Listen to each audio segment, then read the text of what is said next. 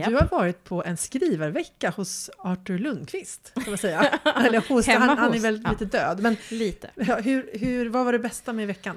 Ja, gud. Eh, ja, jag var på då eh, Artur Lundqvists eh, eh, födelsehem eh, nere i Skåne. Eh, en veckas stipendievistelse som eh, Artur Lundqvist och Maria Wines stiftelse. Eh, Det bästa med veckan, men det var en, faktiskt en otrolig vecka. Jag har varit på ganska många, ganska många, men jag har varit på fyra olika sådana här stipendievistelser. Du är så bra på att söka sådana. Jag Ja, men jag, tycker, imponerad. ja, jag tycker de, det ger väldigt mycket. Men, två saker är den bästa. Det ena var att jag faktiskt, jag kom fram till en sak att jag, om jag sänkte kraven på vad jag skulle prestera varje dag i, skriven, liksom, i skrivande, så gick det bättre. Det, än vad Aha. om jag har, och det var ju väldigt märkligt. Men jag fick in en sån jättebra lunk i mina dagar med omväxlande arbete, promenader och att bara botanisera i för det är ju så, alltså, Arthur bodde ju, i det där huset, den här gården, bodde han ju bara sina två första år. Men sen har man då, efter att eh, Arthur Lundqvist och Maria Wine, de bodde ju sen i Solna. Eh, när, när de dog så tog man senare hela möblemanget och deras, framförallt deras Mhm. böcker ner till den här gården och har liksom inrett Mm. vardagsrumsdelen som, så det ska se ut som lägenheten i Solna.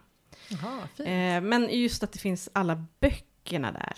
Och det var ju, alltså jag förlorar sig i de bokhyllorna och se, ja här dedikerat från Sven Stolpe, Mm. från Eivind Johnson, alltså Oj, alla, alla, alla.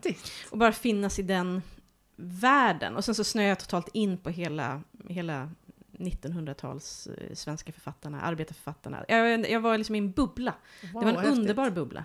Ska vi säga välkomna? Det här Ja. är vår- podd som heter Skrivkamp eh, och jag heter Lisa Bjerre. Och, jag du, heter Malin Havind. Ja, Ehm, och det här är andra avsnittet. Mm.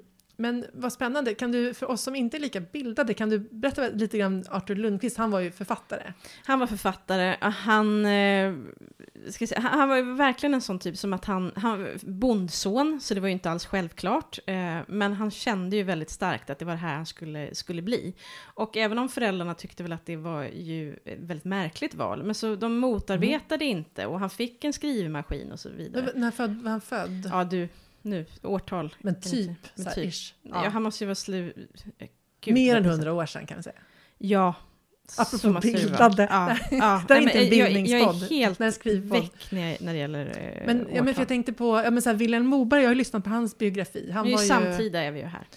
Det samtida. Ja, men, Mm. ja, men, ja, för, Och det är det som jag tycker, det är, de är ju sånt gäng där sen. Den här mm, boken Jag vill skriva sant, som Jesper Högström eh, kom ut med förra året, som handlar om då Tora Mm. Dahl, som eh, ju levde tillsammans med en, en Knut Jansson som var litteraturkritiker. Och de bodde ju på Lidingö, Mhm. och i deras hem där så samlades ju väldigt många av de här. Artur Lundqvist, Gunnar Ekelöf, eh, Vilhelm Moberg, ja men liksom ett, ett, ett gäng. Och samtidigt 2022, här sitter du och jag. Ja, här sitter vi, precis. Är det, alltså blir man inte, väcker inte det en längtan efter sådana, alltså det här sammanhanget? Jo. Att man känner, Gud. tänk om man kunde alltså, få vara i ett sådant sammanhang. I, Ja. och vad är vårt motsvar, våra motsvarigheter idag? Idag finns det ju så många författare. Ja, det finns jättemånga författare eh, och det jag upplever som lite tråkigt kanske, att det känns som att, eh, att författarvärlden är, det är väl också på grund av mängden, men att den är så uppdelad. Det känns som att det finns Mellan Det- fin litteratur och Ja, genre? ja eller? och att det finns, det finns ett deckargäng, det finns ett Mm. eh, fin litteraturgäng, det Feel, finns, feelgood-gäng? det finns ett fil, äh, det finns de här olika gängen. Och kanske just eftersom jag själv då inte har ett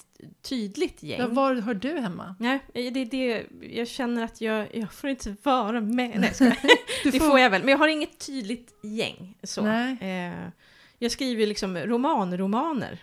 Men, vi, men Piratgänget, för det vet jag att du Ja. skrev ett så fint inlägg en gång på Instagram om hur du, det sammanhanget, att få vara Underbart. med. För Piratförlaget, det är ju ett fantastiskt förlag och också för att det, de har, det är inte så många eh, författare, utan de har ju Mm. många stora, alltså så här, stora författare som Jan Guillou och Lisa Mm. Marklund och så. Men, men det, de, det är inte en väldigt stor utgivning. Nej. Så att vi som, alltså det blir- det liksom ett ganska intimt sammanhang när man träffas. Ja, och det är jätte, jättehärligt. Det, det är ju mitt gäng, det får jag säga. Och Ja. det, det, det har jag liksom längtat efter. För jag har ju skrivit fackböcker förut, men det har kommit ut på ganska små förlag. Och det är ju, jag älskar att de finns, de små förlagen. Men det blir väldigt sällan så att man känner den här, jag vet inte, på Piratförlaget har jag verkligen känt att Men att man, ja, men man, man, man, är, man hör ihop på något Mm. sätt. Och eh, ja, de är ju väldigt bra på att ta hand om oss också.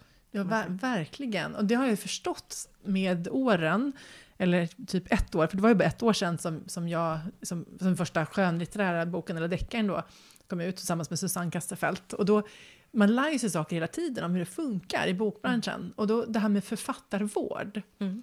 det har jag Det förstått. roligt jag, ja, men det var, jag, skrev, jag lyssnade på Förlagspodden, eh, och det vet jag att du också gör. Jajamän. eh, med Kristoffer Lind och eh, Lasse Winkler och de är ju väldigt kunniga och, och jag har lärt mig väldigt mycket där.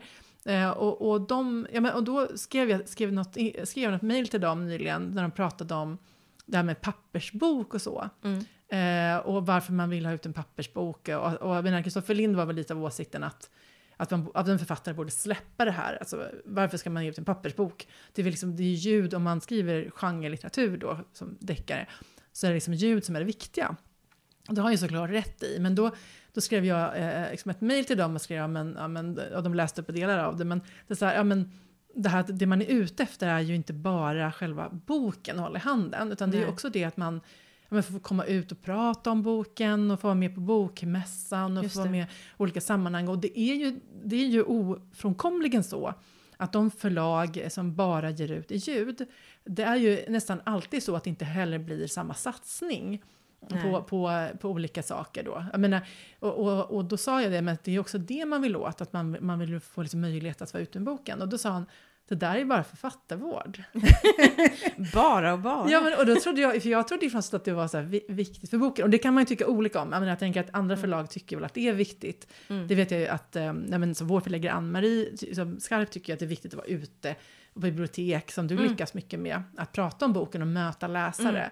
Alltså det är klart att det liksom handlar om olika åsikter också. Men Mm. jag tycker det var intressant det där att jag aldrig, det har jag aldrig förstått innan. Alltså när man, man tänker så här, vilket förlag vill jag hamna på? Man, Mm. man är ju glad över att få komma in på ett förlag överhuvudtaget. Men, Mm. men just det här med författarvården, Mm. att det är så stor skillnad faktiskt. Ja, ja men det, det är det nog verkligen.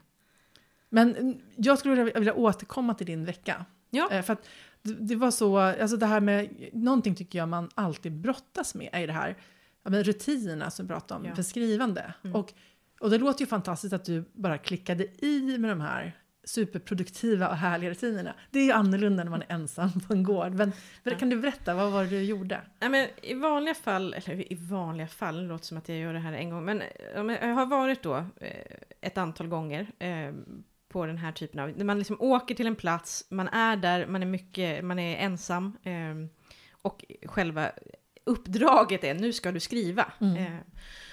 Och då har jag ju väldigt ofta hamnat i så här att jag måste maxa det så himla mycket. Jag ska liksom upp tidigt och sen bara liksom köra på in i natten. Och det där blir ju, det blir ju kanske konstigt och man mår inte så himla bra. Och det, det är ju också skrivande är ju ett, ett arbete som är väldigt svårt att göra så att säga timme efter timme. Mm.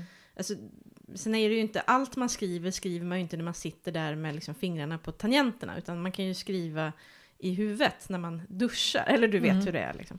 Men den här gången så hade jag då inte, utan jag liksom bara bestämde mig för en viss, liksom, jag går upp, jag går en promenad, sen äter jag frukost och sen skriver jag, verkligen skriver, Mm. fram till lunch.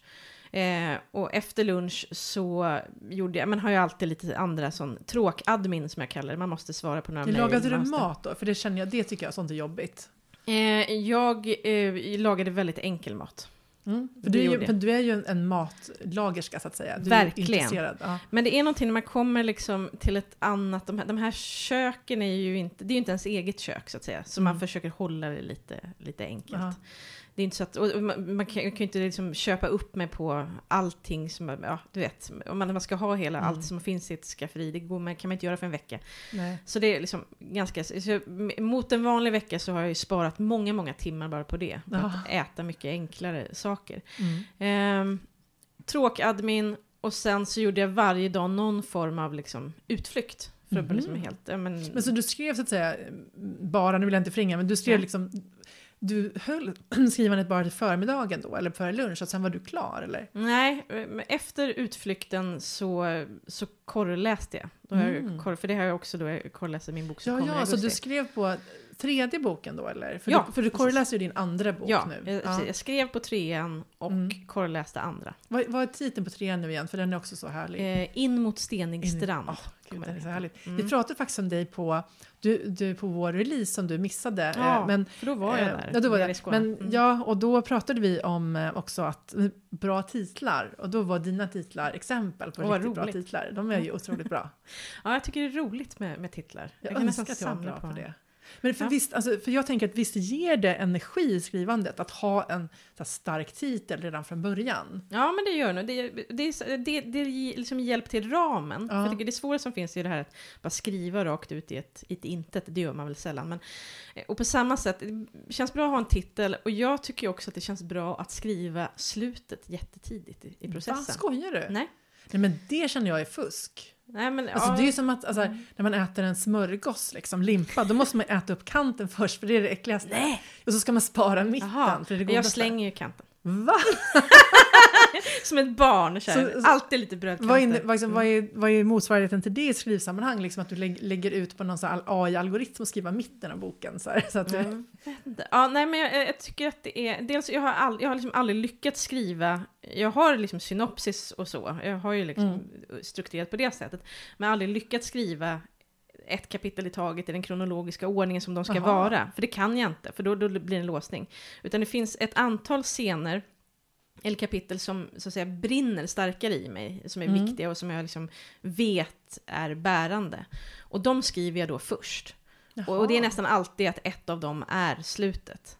Och då har jag sen mycket lättare då att fylla i de här, äh, Men vad intressant. bygga här broarna mellan. Och när jag har slutet, för sen kan jag ju skriva om det Ja. många gånger. Det är, inte, det är inte det här att jag, det jag skriver tidigt i processen, det är inte säkert att det blir exakt så. Nej, nej, mm. Eh, men, eh, men det är inte jätteolikt heller.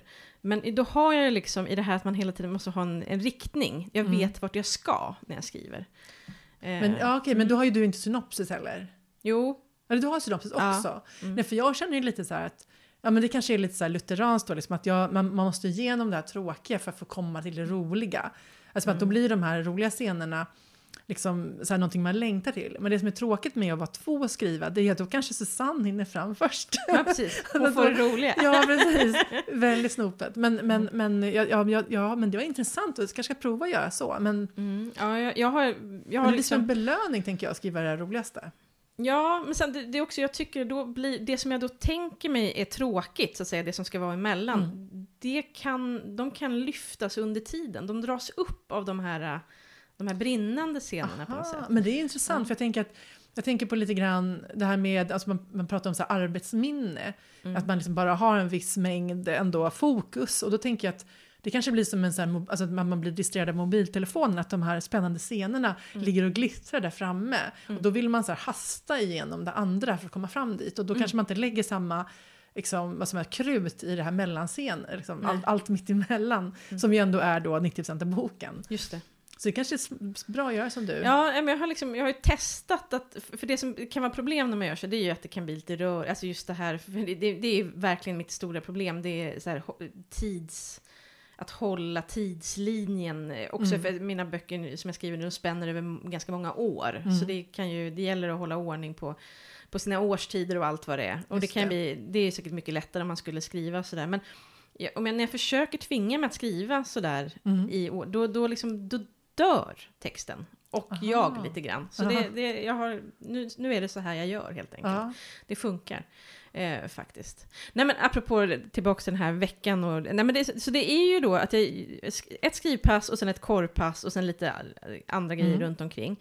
Eh, men det gjorde att sen, sen fanns det liksom timmar kvar av dagen. Förstår Ja. jag? Liksom, jag har verkligen suttit och pressat mig. Och de kunde jag då, då kunde jag ju i vissa dagar så att säga frivilligt sätta mig Mm. vid datorn och skriva lite mer. Eller, och så läste jag jättemycket. Men satt du inte och kollade mobiltelefonen och surfade? Alltså har du inga problem som att hålla koncentrationen? Jo, alltså jag, jo, det har jag. Och den, den var ju med mig. Det var inte så att jag hade något förbud eller så. Mm. Mot, men, men ändå mindre, mycket mindre än de gånger då jag liksom tänkte att nu ska du sitta här i tio timmar. Eh, Då har jag Ja. mer, det, vet Men- du, att jag hade ja. den här lite snälla, att Ja. det fanns luft och luckor och andra grejer. Det gjorde att det inte blev lika Men intressant, Ja. för det håller jag på att lyssna på en bok just nu som heter Känslofällan, Mm. som är ganska mycket så här KBT. Eh, och hon pratade, det var precis idag lyssnade jag på det, att hon pratade om det här med att, att man, prokrastinering blir ofta värre, som du säger, om man tänker så här, nu ska jag göra ett så här, maratonpass, för att då blir, då blir det ju så, alltså, det blir en ovilja, det blir ju Mm. någonting väldigt jobbigt man har framför sig. Men med inbokade pauser och det ska jag verkligen försöka använda, för att jag, har ju, vä- jag kan ju ha periodiskt jättesvårt för att komma igång. Ja. På grund av att, att man bara drar ett varv till liksom, i mobilen för de här olika apparna som man håller på och tixar. liksom, Facebook, och sociala medier, Storytel och liksom vad det nu är. Mm. Ja. Ja men precis, och sen också att jag, det är någonting som lossnade för mig, för det är, det är det här märkliga som att det finns ett motstånd mot att, mot att börja och börja skriva. Och, att, Mm. och herregud, hur ska den här, jag, jag kanske vet hur det här kapitlet, vad som ska hända, Mm. men jag har liksom inte, inte så, min, min synop, mina synopsis är liksom inte superutförliga, utan de är ganska eh, enkla. Mm. Eh, det mesta händer när jag verkligen sitter där och skriver. Och det kan finnas en tröskel som jag ska göra. Men då, då att jag hade det här, att det inte behövde vara så mycket såna enorma mängder, men det gjorde att jag liksom fick helt, tröskeln försvann. Men var målet så timmar och inte tecken eller ord eller någonting? Ja, jag, varken, inte tecken eller ord, det har jag helt släppt. Jag kan inte skriva Nej. på det sättet. För det tänker jag, ibland så kan ju en arbetsdag kan ju vara att man jobbar med en halv sida och det är på ett större arbete än att skriva Mm. sex sidor en annan dag.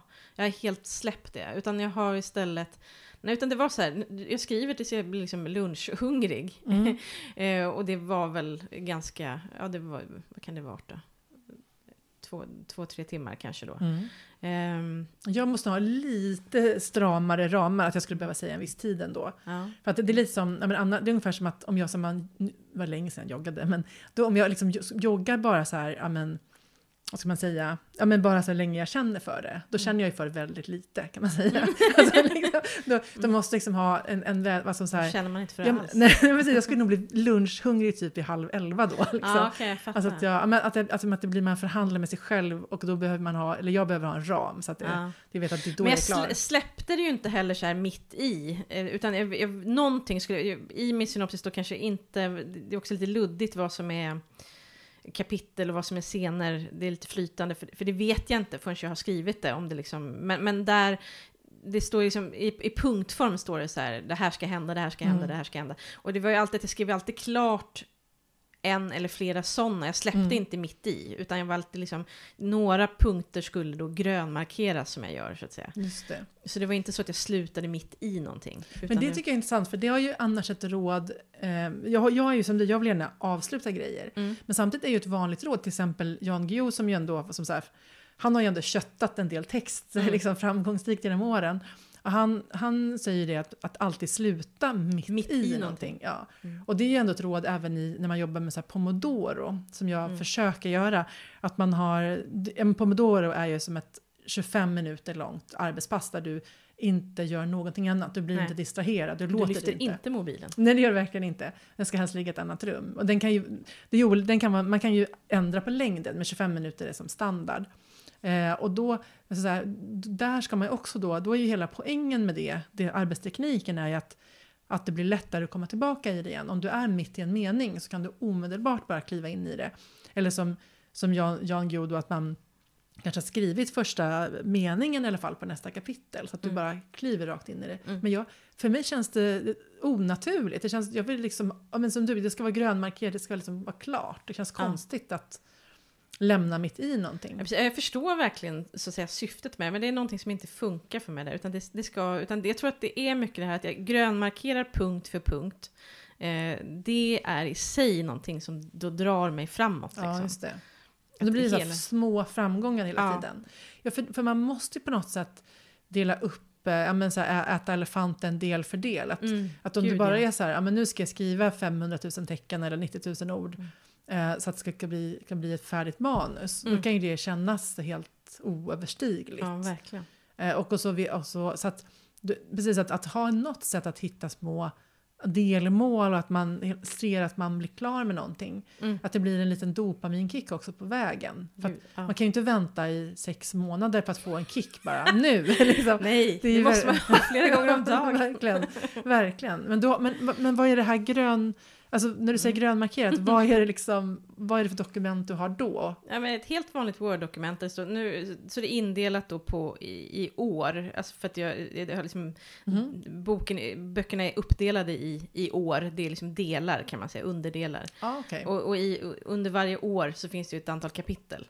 Ehm, och det är väl ungefär de, alltså står där i punktform. Så du grönmarkerar när du har skrivit första utkastet eller första versionen av Ja, ett kapitel? exakt, Då. exakt. Det är ju Precis. bra. Mm.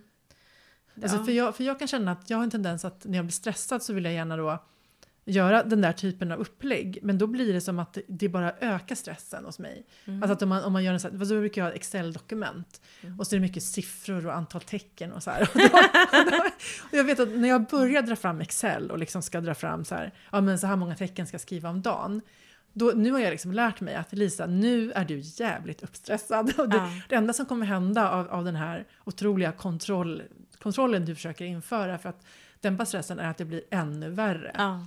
Så, men jag har inte hittat riktigt än någonting som, som, som, som då hit, vad ska skapar den här glädjen i att ha avslutat Nej. någonting utan att trigga själva så här, kontrollstressen som, Mm. som finns. Men då kanske det där att bara ha i Word utan att mäta saker. Ja, ja, ja, precis. Det är på något sätt så det, man ser saker som klara, men det är inte, ja, nej men jag tror ju att, att själen förtvinar varje gång man öppnar ett Excel-dokument, så det tror jag Men jag, är, jag, är ju, jag gillar ju siffror. Ja, jag vet. Så att, men, men, men jag gillar ju inte så att säga, alltså jag, ja, precis, det gäller ju att hitta, ja, men jag tycker, samtidigt så blir jag stressad av att, det kanske också är det att man sätter upp mål, men som du sa nu, alltså, jag sätter upp mål då som är kanske för svåra att klara. Mm. Och, och, och som du säger då, du satte upp mål som var lite vad säga, rimliga och Mm. enkla att klara, då kan man orka mer än det. Precis, då orkar man mer och det blir mindre av det här distraktion och så vidare, att det bara får vara i. Ja, det, det, det funkade väldigt väl liksom. Men det kanske, jag tror min motsvarighet kanske senaste tiden har varit det här med fulskriva.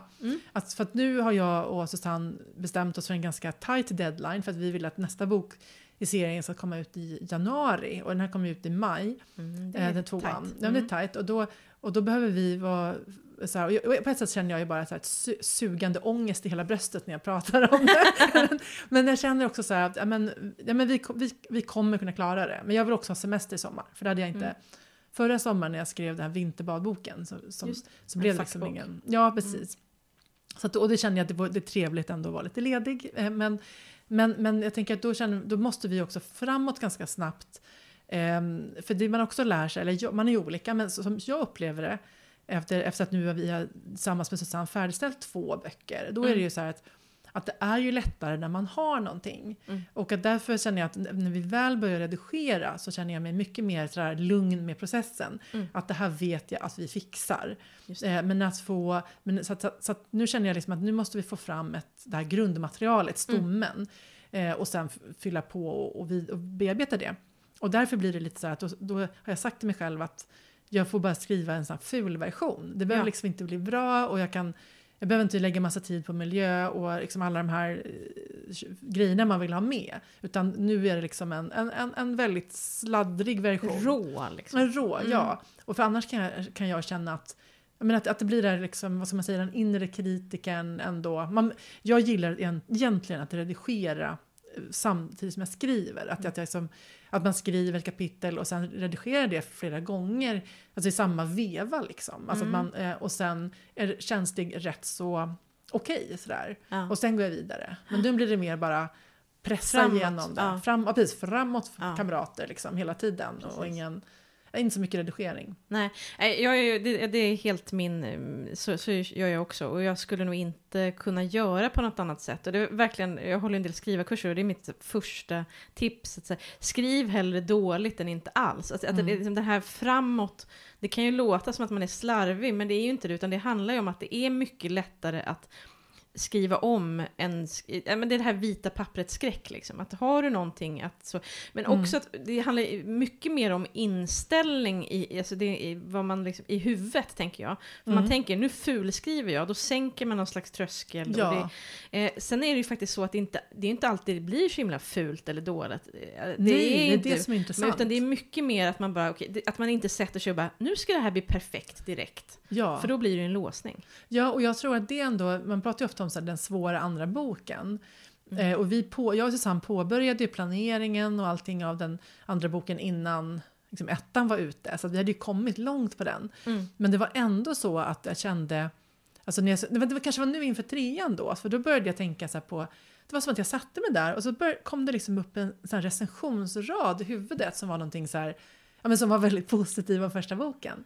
Och så bara kände jag så här, men det här kan inte jag göra igen. Alltså, så här, Nej, liksom, okej. tyckte de att, det var ju roligt att de tyckte det var så bra, men det här, det här jag skriver nu blir ju inte alls så. Liksom. Gud. Alltså, det blir Va- liksom va- en- Kommer du ihåg vad det var för rad?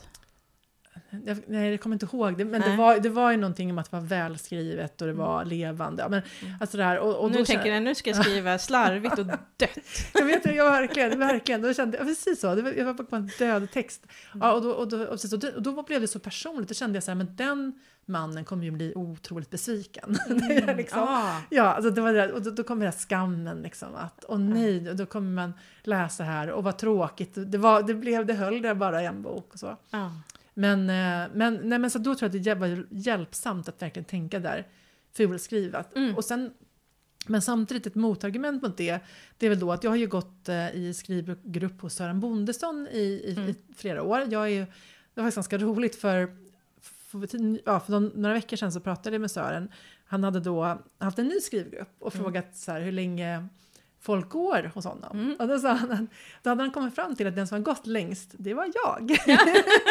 så att jag är en överliggare och det var i tio år. Men, men det- är ju så att... Har det gått oavbrutet i tio år? Nej, men jag har ju haft några terminer som inte gått. Så, att- så, det var, så var det absolut. Men nu har vi liksom lite kommit tillbaka, jag och Susanne. För att det är faktiskt väldigt bra att få andra ögon på, alltså när man, början på boken framförallt. Det Mm. gjorde vi med bok två. Att vi liksom lät Sören och några då skrivkompisar i gruppen läsa synopsis och kanske, det blev väl kanske första 50-60 sidorna. Mm. Eh, och då känns det ju väl, det är där, i det skedet är det ju jättebra tycker jag att få, liksom, få lite stöd och hjälp. Mm. Och om inte annat, jag menar både att det, så att säga, man, man kan ändra på saker som kanske inte blev bra eller så. Och förbättra, men också så här bara att få in, få en liten tumme upp faktiskt. Det, Ja. det är värdefullt att någon... Det är en sån, den, den ömma, ö- ömsinta knuffen i ryggen. Ja, och, och Sören är ju, ehm, han är ju inte en person som öser beröm. Så att när han säger att det här är Bra. bra, då, Då är det då det. tror jag på honom. Ja, och då känner man ju självförtroende framåt. Mm. Jag tänker som i, i alla, jag tror att det gäller alla så kreativa mm, yrken och processer. Alltså, det finns någon sån bild av att för att bli bättre så ska man någon stå och piska på en ungefär. Mm. Eh, och jag tror just det, när det, det är klart att man måste ha någon som kritiserar, som tittar och, och det, det får Mm. man ju sen. Så. Men att jag tänker att man blir också väldigt bra av att få Mm. de här eh, puffarna att få, att få bra kritik. Att det finns en sån, man Ja. undervärderar det. Precis, För och det är så ja. mycket ängslan och så vidare i att få det då. Men du är på rätt väg, du har någonting här. Ja, och man Det är lär sig. Och, ja, men som en redaktör som jag pratade med, som Helena Enblom som är jätteduktig och jobbar för Ordfront, hon sa ju som att hon försöker lägga in de här positiva för att visa så här, det här är bra, mer av det. Alltså det Mm. behöver man också, så här, att, liksom, att, att lär man sig också av att det här blir faktiskt riktigt bra. Det Mm. kan, det kan, jag liksom, det kan jag använda igen, liksom, det Mm. sättet. Men det, jo, det, jag skulle kom, det jag ska säga var att Ja, men Sö- Sören pratar ju ofta om det här att man, ska lära, man måste ju lära sig alla moment i skrivandet. Mm. Så att ett argument emot fulskrivandet, vilket kanske är en anledning till att jag inte har gjort så mycket så innan, är det här att då är det vissa saker som du inte övar på. Alltså för mig är ju då svagheten eh, miljö mycket. Mhm. Och då när jag, när jag fulskriver, då tillåter jag mig själv att gestalta lite mindre. Och jag lägger inte in det här eh, så mycket miljöobservationer så att säga. Eh, och då, han menar ju då att, som att det är som en, om du utövar en sport, att du måste ju öva Liksom, jag menar, du, måste, du kan inte bara vara så här, springa snabbt, blir det alltså för att om du ska vara fotbollsspelare, du måste ju lära dig dribbla och skjuta mål och alla möjliga grejer. Men du att- skriver väl miljön sen då? Spelar det Jo? Ja. men, men han menar väl det att om man ba, alltid bara gör så, så Mm. övar man ju inte på, på de delarna. Men jag kanske kommer fram till att jag nu har övat så pass mycket på dem Mm. att jag kan tillåta mig själv att, att lägga till det efteråt. Ja. För jag tänker, det spelar väl ingen roll när i processen du skriver miljön? Nej, det men viktiga en, är att den finns där. det är sant, men en risk är väl att, om du, att du inte får så här, öva på det tillräckligt. Att du liksom Mm. inte, alltså om du alltid skriver på det sättet så Mm. blir du aldrig du når inte upp till den nivån i, Ja. i miljöbeskrivningar till exempel, eller vad det nu är för någonting. Ja, ja vad intressant. Eh, Min f- första eh, roman då, De kom från öar, jag kommer ihåg att när jag fick tillbaks från Pia, min förläggare, första gången, och jag tänkte, för jag tycker det är ganska roligt att skriva miljö, Mm. och jag, tänk, och jag hade någon bild i bakgrund, i mitt huvud av att jag hade skrivit mycket miljö i den. Mm. Hon bara, du har nästan ingen miljö i Och jag bara, men gud, är det inte det enda jag har? Och så tänkte jag, nej, Ja. hon har helt rätt. Och det, liksom, det fanns, den, det hade liksom, den var i mitt huvud bara, jag hade inte fått ner det. ja, ja, Så så, då, då liksom fick jag fylla på. Men det var konstigt eftersom jag tycker att det är som sagt det är roligt och så här. Men jag, Ja. ja, det, är ju, det är ju en fara med allt, med att man fyller i luckorna själv i huvudet. Ja, men just inte, det, inte på pappret. Liksom. Verkligen. Men du, vi var inne på det här med kickar. Ja. Eh, och jag tänkte, och vi var inne på Artur Lundqvist som jag nu är helt insnöad på. Eh. Och jag ville bara läsa lite sak för dig. Eh, för jag håller på nu och läser en bok som heter Maria och Artur, en 1900-talsroman. Författaren är Mm. Jan Arnald. Det är ju alltså Arne Dahl, fast när han Ja. skriver inte deckare. Innan han började tjäna pengar. Eh, och den handlar, det, är, det är en roman, men det handlar om eh, Arthur och Maria Wiener. Här är ett litet, litet stycke när Arthur då, som handlar om när han får sitt första, när han blir antagen. Mm. Det absurda är att det bara går ett par veckor. På 22-årsdagen den 3 mars 1928 får han två presenter. Den första är lite jobbig, den andra är livets absoluta mening. Dels får han veta att han måste rycka in i lumpen om en månad, dels att hans diktsamling har blivit antagen. Ja, det är nu det händer, på självaste födelsedagen. Nu är han författare. Ett iskallt lugn infinner sig. Han har lyckats. Han har faktiskt lyckats. Han tycker om det där ögonblicket och ögonblicket då han har lyckats. Han har redan haft några stycken. Det är kring dem han bygger sina personliga myter. Precis det ögonblicket då allting liksom fryses. Det är då han tycker att han är i kontakt med livets själva mening. Oj. Jag tyckte det var så fint Ja. det där. Och så tänkte jag på en sak som du och jag pratade om förut och det är det här, har vi redan upplevt den absolut ultimata kicken? Kommer man någonsin ha, vara lika glad som när man fick sin, blev antagen första gången? Nej, det kommer man nog inte. Nej, jag tror inte det. Det bästa i livet har redan hänt. Men jag tror, för det är någonting just det där, den här magiska gränsen som Mm. det är. Att det här nålsögat och man har tänkt och kämpat i så många år och sen så kliver man över, man är Ja. på andra sidan. Ja, för jag såg det hela, när jag försökte bli antagen alla de åren så såg jag det som en hög mur. Mm. Så man, man liksom hade ingen insyn heller. Man visste inte vad som pågick riktigt där inne och hur det funkade. Man försökte liksom hitta någon slags öppning och liksom Mm. komma in. Och nu är man ju inne på andra sidan, i alla fall just nu. Man kan ju tyvärr bli utsparkad igen. det finns lite olika studsmattor man kan kastas ut på. Men, men, men liksom, precis, och, och det finns ju, jag tycker att det som händer då är ju att, men, jag menar, då får man ju, man får ju nya mål och så, Mm. men de kommer ju aldrig vara vad och när de uppnås, om de, om de uppnås, så kommer Mm. de ju aldrig vara riktigt lika stora, tänker jag. Nej. Alltså för drömmen var ju att få, få, få skriva böcker och ge ut böcker Ja. och vara författare. Men, men, men eh, det andra, nej jag tror inte det. Tyvärr. Nej. Och jag, det som jag tycker kan kännas som har varit roligt, jag, jag vet inte om du såg Melodifestivalen i år? Eh, Mm, och, nej, bara något. Ja, men Anders. Bagge, Mm. eh, jag vet inte om du sett det? När han, när han vann sin delfinal Mm. Så blev han så otroligt tagen. Mm, Eh, mm. han är väl typ fem- 55-årig så här, vit medelålders man som haft en jättebra karriär. Eh, och han blev helt tagen så han liksom började så här, hulkgråta, kunde inte prata. Eh, och så, så fick han fram någonting så här, någonting om att jag, jag, att jag har så dåligt självförtroende. Eller alltså Mm. det är någonting sånt där va. Mm. Och, då, och jag kände en sån otrolig så här, skam bara skölja över mig.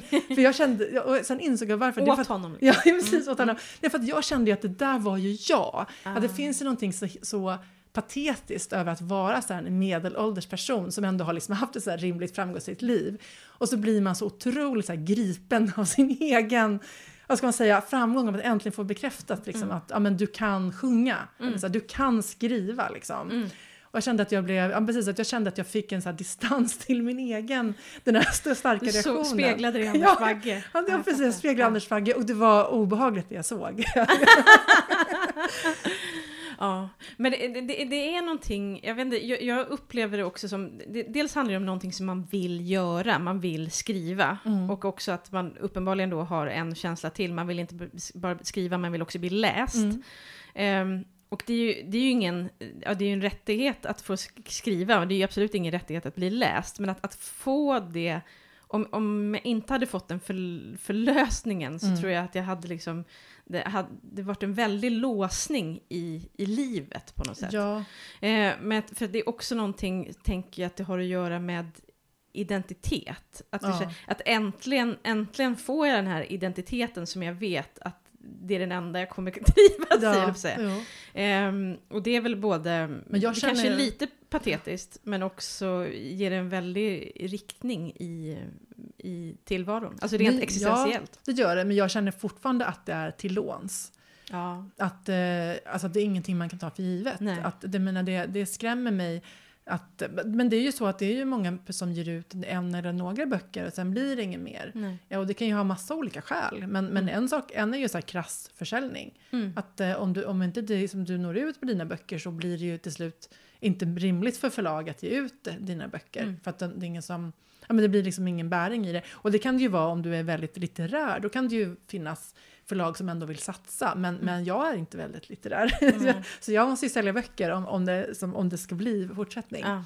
Och det är klart att man inte kan gå omkring och ha ångest över det hela tiden. Men det, jo, det kan man. Det kan man. Men jag känner också en ödmjukhet i det, att jag vet att det, det är inte så att nu är man så författare for life och liksom det här, det här är bara en uppåt, liksom, vad ska man säga, nu, nu det Uppåt, bara, framåt. uppåt framåt, ja. Utan det finns en väldig kringelikrok Ja. också.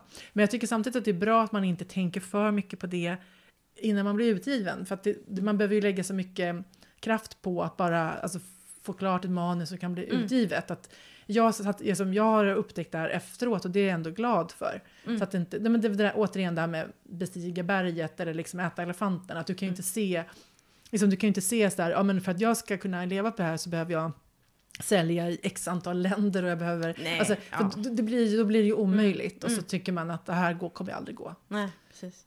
Det var en, en annan grej som jag upplevde nu när jag satt eh, nere på den här gården då. Och, och eh, tog in liksom allting som hade att göra med, med de här 1900-talsförfattarna och arbetar, eh, och det gänget som de var. Mm. och Så, fick jag en sån, jag fick en sån enorm läs och skrivlust. Mm. Och, så, eh, och jag vet, är mycket, mycket medveten om att jag romantiserar nu utav bara helvete. Men jag fick också någon sån liksom samtids... Alltså liksom att det var... Jag försöker, även de författarna, de behövde också eh, mat på bordet, de behövde Ja, också tänka på pengar, eh, helt klart. Och alla författare vill bli lästa, så Ja. är det ju, så man vill ju. Eh, men ändå så känns det som att, att någonting, att så här, litteraturen fick vara det var viktigt, det var liksom litteraturen och livet. Det var inte Mm. liksom bara så litteraturen och topplistorna och Ja. jätte, jätte retuscherade författarfoton. Alltså liksom, det var liksom lite, jag vet inte. Äkta kanske? Ja, det någon, precis. Någonting sånt Mm. som jag inbillar mig har gått förlorat kanske. Men, Ja. Och som sagt, jag är medveten om att jag romantiserar. Men jag blev ändå väldigt ja, liksom förtrollad av... Jag Eh, förstår det. Och jag, ja. jag kan, så kan jag också känna bara jag ser en film där folk inte har mobiltelefoner. Ja, gud. Jag känna ja. så här, åh vilket liv. men jag är inte beredd att lämna ifrån mig min. Men, nej, nej, absolut men, inte. men verkligen, och den, Då kan den, du inte kolla Storytel. Nej. Ja, men, idag, men samtidigt tänker jag som att idag är det så, ja men det är roligt också att det är många fler som skriver idag. Jag menar, alltså att, att, Mm. jag menar, då var det ju så en liten klick som Mm. skrev. Idag är det ju som en hobby som jättemånga människor håller på med och det är Mm. många människor som blir, många fler som blir utgivna idag med alla ljudboksförlag och som Mm. det är som, det, är- precis, det är både och men man kan ju, jag kan också så, absolut sakna det, jag önskar att jag kunde vara mer frånkopplad och bara, ja men bara glad åt- skrivandet. Att Mm. vara mer så, ja men strunta i, eh, vad ska man säga, att ha råd med biljetter till Gotlandsfärjan eller vad det är liksom. Mm, bara, mm. bara så leva, Mm. leva, ja men jag förstår det, det är en dröm. Ja, Men, precis. men ändå är man inte beredd riktigt att, eh, eller jag är inte riktigt beredd att vara där. Nej, Flytta till landet och bo. Eh, nej, det är jag verkligen ja, inte beredd. vad, nu, vad som nu skulle krävas. Jag åker gärna dit. Eckadodo. Men eh, ja, har vi... Eh, Mm. Vet var- du, ja, jag, mm. jag faktiskt tänkte, en sak som jag tänkte på, en sista, Ja. ett, vad ska jag säga, är det ett tips? Ja, vi kan kalla det ett tips. Tips är bra. Ja, nu satt jag då i en sån helt perfekt, att jag satt ensam på en gård på landet och liksom Mm. det var till för omringad av böcker och, och liksom, eh, kulturhistoria. Och det var dedikerat till skriven. Det är ju en sån drömsituation. Så, Mm. Men så ser ju, det är ju eh, en ofta ser det inte ut så Va? i livet. Nej, Men jag tänker man har inte. många av de här bilderna av hur det ska vara. Mm. Jag tror att typ den största tjänsten man kan göra sig själv om man verkligen vill upp, framåt, Mm. om inte uppåt så framåt Mm. då, och kanske framför allt innan man har blivit antagen, Mm. det är att så att säga skala bort de där Alltså det är underbart när det där händer och det är klart man ska försöka få till det om Mm. det går. Men att lära sig att skriva lite var och hur som helst. Att Ja. inte ha så mycket så här, jag måste ha eh, minst tre timmar, jag måste ha, att, Mm. att liksom lära sig, och jag tror att det går att lära sig. Att istället, Det tror jag också. man kan behöva kring en uppstart eller Ja. slut, då kan man behöva lite mer, nu ska det finnas tid och helst ska man vara själv och allt det där. Men, men Ja. däremellan, att liksom, att kunna sätta sig mitt i en tvätthög och riva av 35 minuter är bättre än ingenting. Mm, verkligen. Och det har jag nog inte alls gjort innan. Jag tänker också att det är ju en prokrastinering i Mm. att så här, för så höll jag nog på ett tag. Mm. Att det var så här, nej men jag behöver ha det så här, så här och jag behöver åtminstone, liksom, jag vill att det, jag ska inte ha någon, jag är ju frilansjournalist eller skribent. Om, det, om jag har en intervju som ligger klockan två, då blir det inte samma sak. Så här. Och det är klart att det inte blir det, för att det finns ett värde i att ha den här vad ska man säga, omätbara tiden framför Mm. sig och vila i det. Men, men så ser det ju liksom inte ut. Man måste ju lära sig Mm. förhålla sig till hur verkligheten är. Mm. Eh, och att då sätta så här, ja, nu kör jag två pomodoros, liksom. det är Just det. 50 minuter totalt. Eh, och då har jag ju då har jag ibland kunnat få ur mig så här 8000 tecken på det. Liksom. Och det är Mm. inte så himla dåligt. Då har man ändå kommit en, ett kapitel vidare på den berättelsen. Det är ju... Precis, och om man har de sänkta, återigen sänkta Ja. förväntningar, ibland så blir det ju, man tror så här, okej men nu har jag kanske bara, jag har bara en halvtimme, ja men jag, kan väl åtminstone skriva Mm. den här dialogen eller någonting. Men så kanske det är att man faktiskt kommer in i något bra, alltså Ja. att man kommer in, man får ett, ett, ett litet eh, flow, och så blir det kanske längre tid, och man kanske glömmer hämta sina barn, vad vet jag. Ja. Men eh, de brukar inte fara så illa. Nej. Eh, nej men att man... att ibland så är det en öppning till någonting annat. Men om man hela tiden har massa regler. För det här återigen så hör jag mycket med mina skrivarkurselever. Att man kommer så här ett, två pass in. Då är det alltid några som har en så här. Men hur ska man göra? Jag måste ha det så här och så Mm. här. Och så här. Jag förstår att man helst vill ha det så. Mm. Men jag tror att, att skala av så mycket som möjligt. Mm. Det är liksom det som är. Jag vet inte. Vägen framåt. Ja, men det är nog väldigt sant. Och eh, jag känner också att det är viktigt att skriva. Nu skrev jag inte förra veckan då för att jag var, jag var så uppsnurrad kring releasen att det liksom Mm. var omöjligt att koncentrera sig. Men, men ehm, jag, jag kan känna att jag mår ganska dåligt när jag inte får skriva. Mm. Och det menar jag kanske inte så här, åh, så här konstnärligt att, om mitt skapande liksom. Utan det är mycket för att jag vill ju så gärna jobba med det här. Ja. Och, och jag vill så gärna få fortsätta och jag har, så, har tydliga mål kring vad jag vill uppnå. Och då, då blir det liksom en, en väldigt liksom, obehag och ångest i mig om jag känner att jag inte alls jobbar på det som egentligen är prio ett i mitt liv. Ja, men efter barnen då, man kanske. ja, ja. Men, så, så liksom, och, och, och då känner jag som att, att ändå kunna då, som du säger, riva av de där 35 eller 25 minuterna. Mm. Då har man ändå gjort någonting på det som är viktigast i livet. Så här, Mm. ja, viktigaste livet, nu kanske det låter stort, men någonting Mm, på det här viktiga. Eh, lite grann varje dag eller att, ett antal dagar i veckan i alla fall. Mm. Så att det inte blir så att det plötsligt har gått liksom, två månader Nej. om man inte har haft eh, någon tillfälle att skriva. Och så, för det, då känner jag att det känns jättedåligt. Liksom, att, Mm. att man må, ja, det mår man inte bra av. Plus att det är svårt att få, få ihop ett manus om man inte Ja. skriver. Nej, precis. Nej, men, och det- jag tror verkligen att det är bättre att skriva ofta och kortare pass än att skriva ett, ett jättepass i månaden. Mm. Eh, om man, för då har man en sån uppförsbacke när man ska in i det igen också. Precis, verkligen. Ja, precis, man halkar ju ur det också. Mm. Så, så blir det, ja, och sen ty tycker jag du sa att uppstarten, då kan man ju behöva mer koncentrerad tid. Mm. Så att det är ju, och då har ju exempel Susanne och jag haft möjlighet att liksom åka iväg när vi Mm. jobbar med synopsis. Så här, vi var på mitt landställe några dagar och innan Mm. har vi varit på andra liksom, ställen tillsammans. Och, så att man, man liksom har några dagar där man verkligen kan liksom gå in i det här. För det är så tankekrävande att jobba med en, en synopsis och liksom en hel intrig som ska skapas och massa Mm. trådar som ska sitta ihop och så. Mm. Men vi kanske ska runda av här. Ja, det kanske Ja. är dags. Nu har Yes. pladdat nog. ja. Tack för att ni lyssnade. Tack så mycket. Vi ses igen. Hej då! Hej då!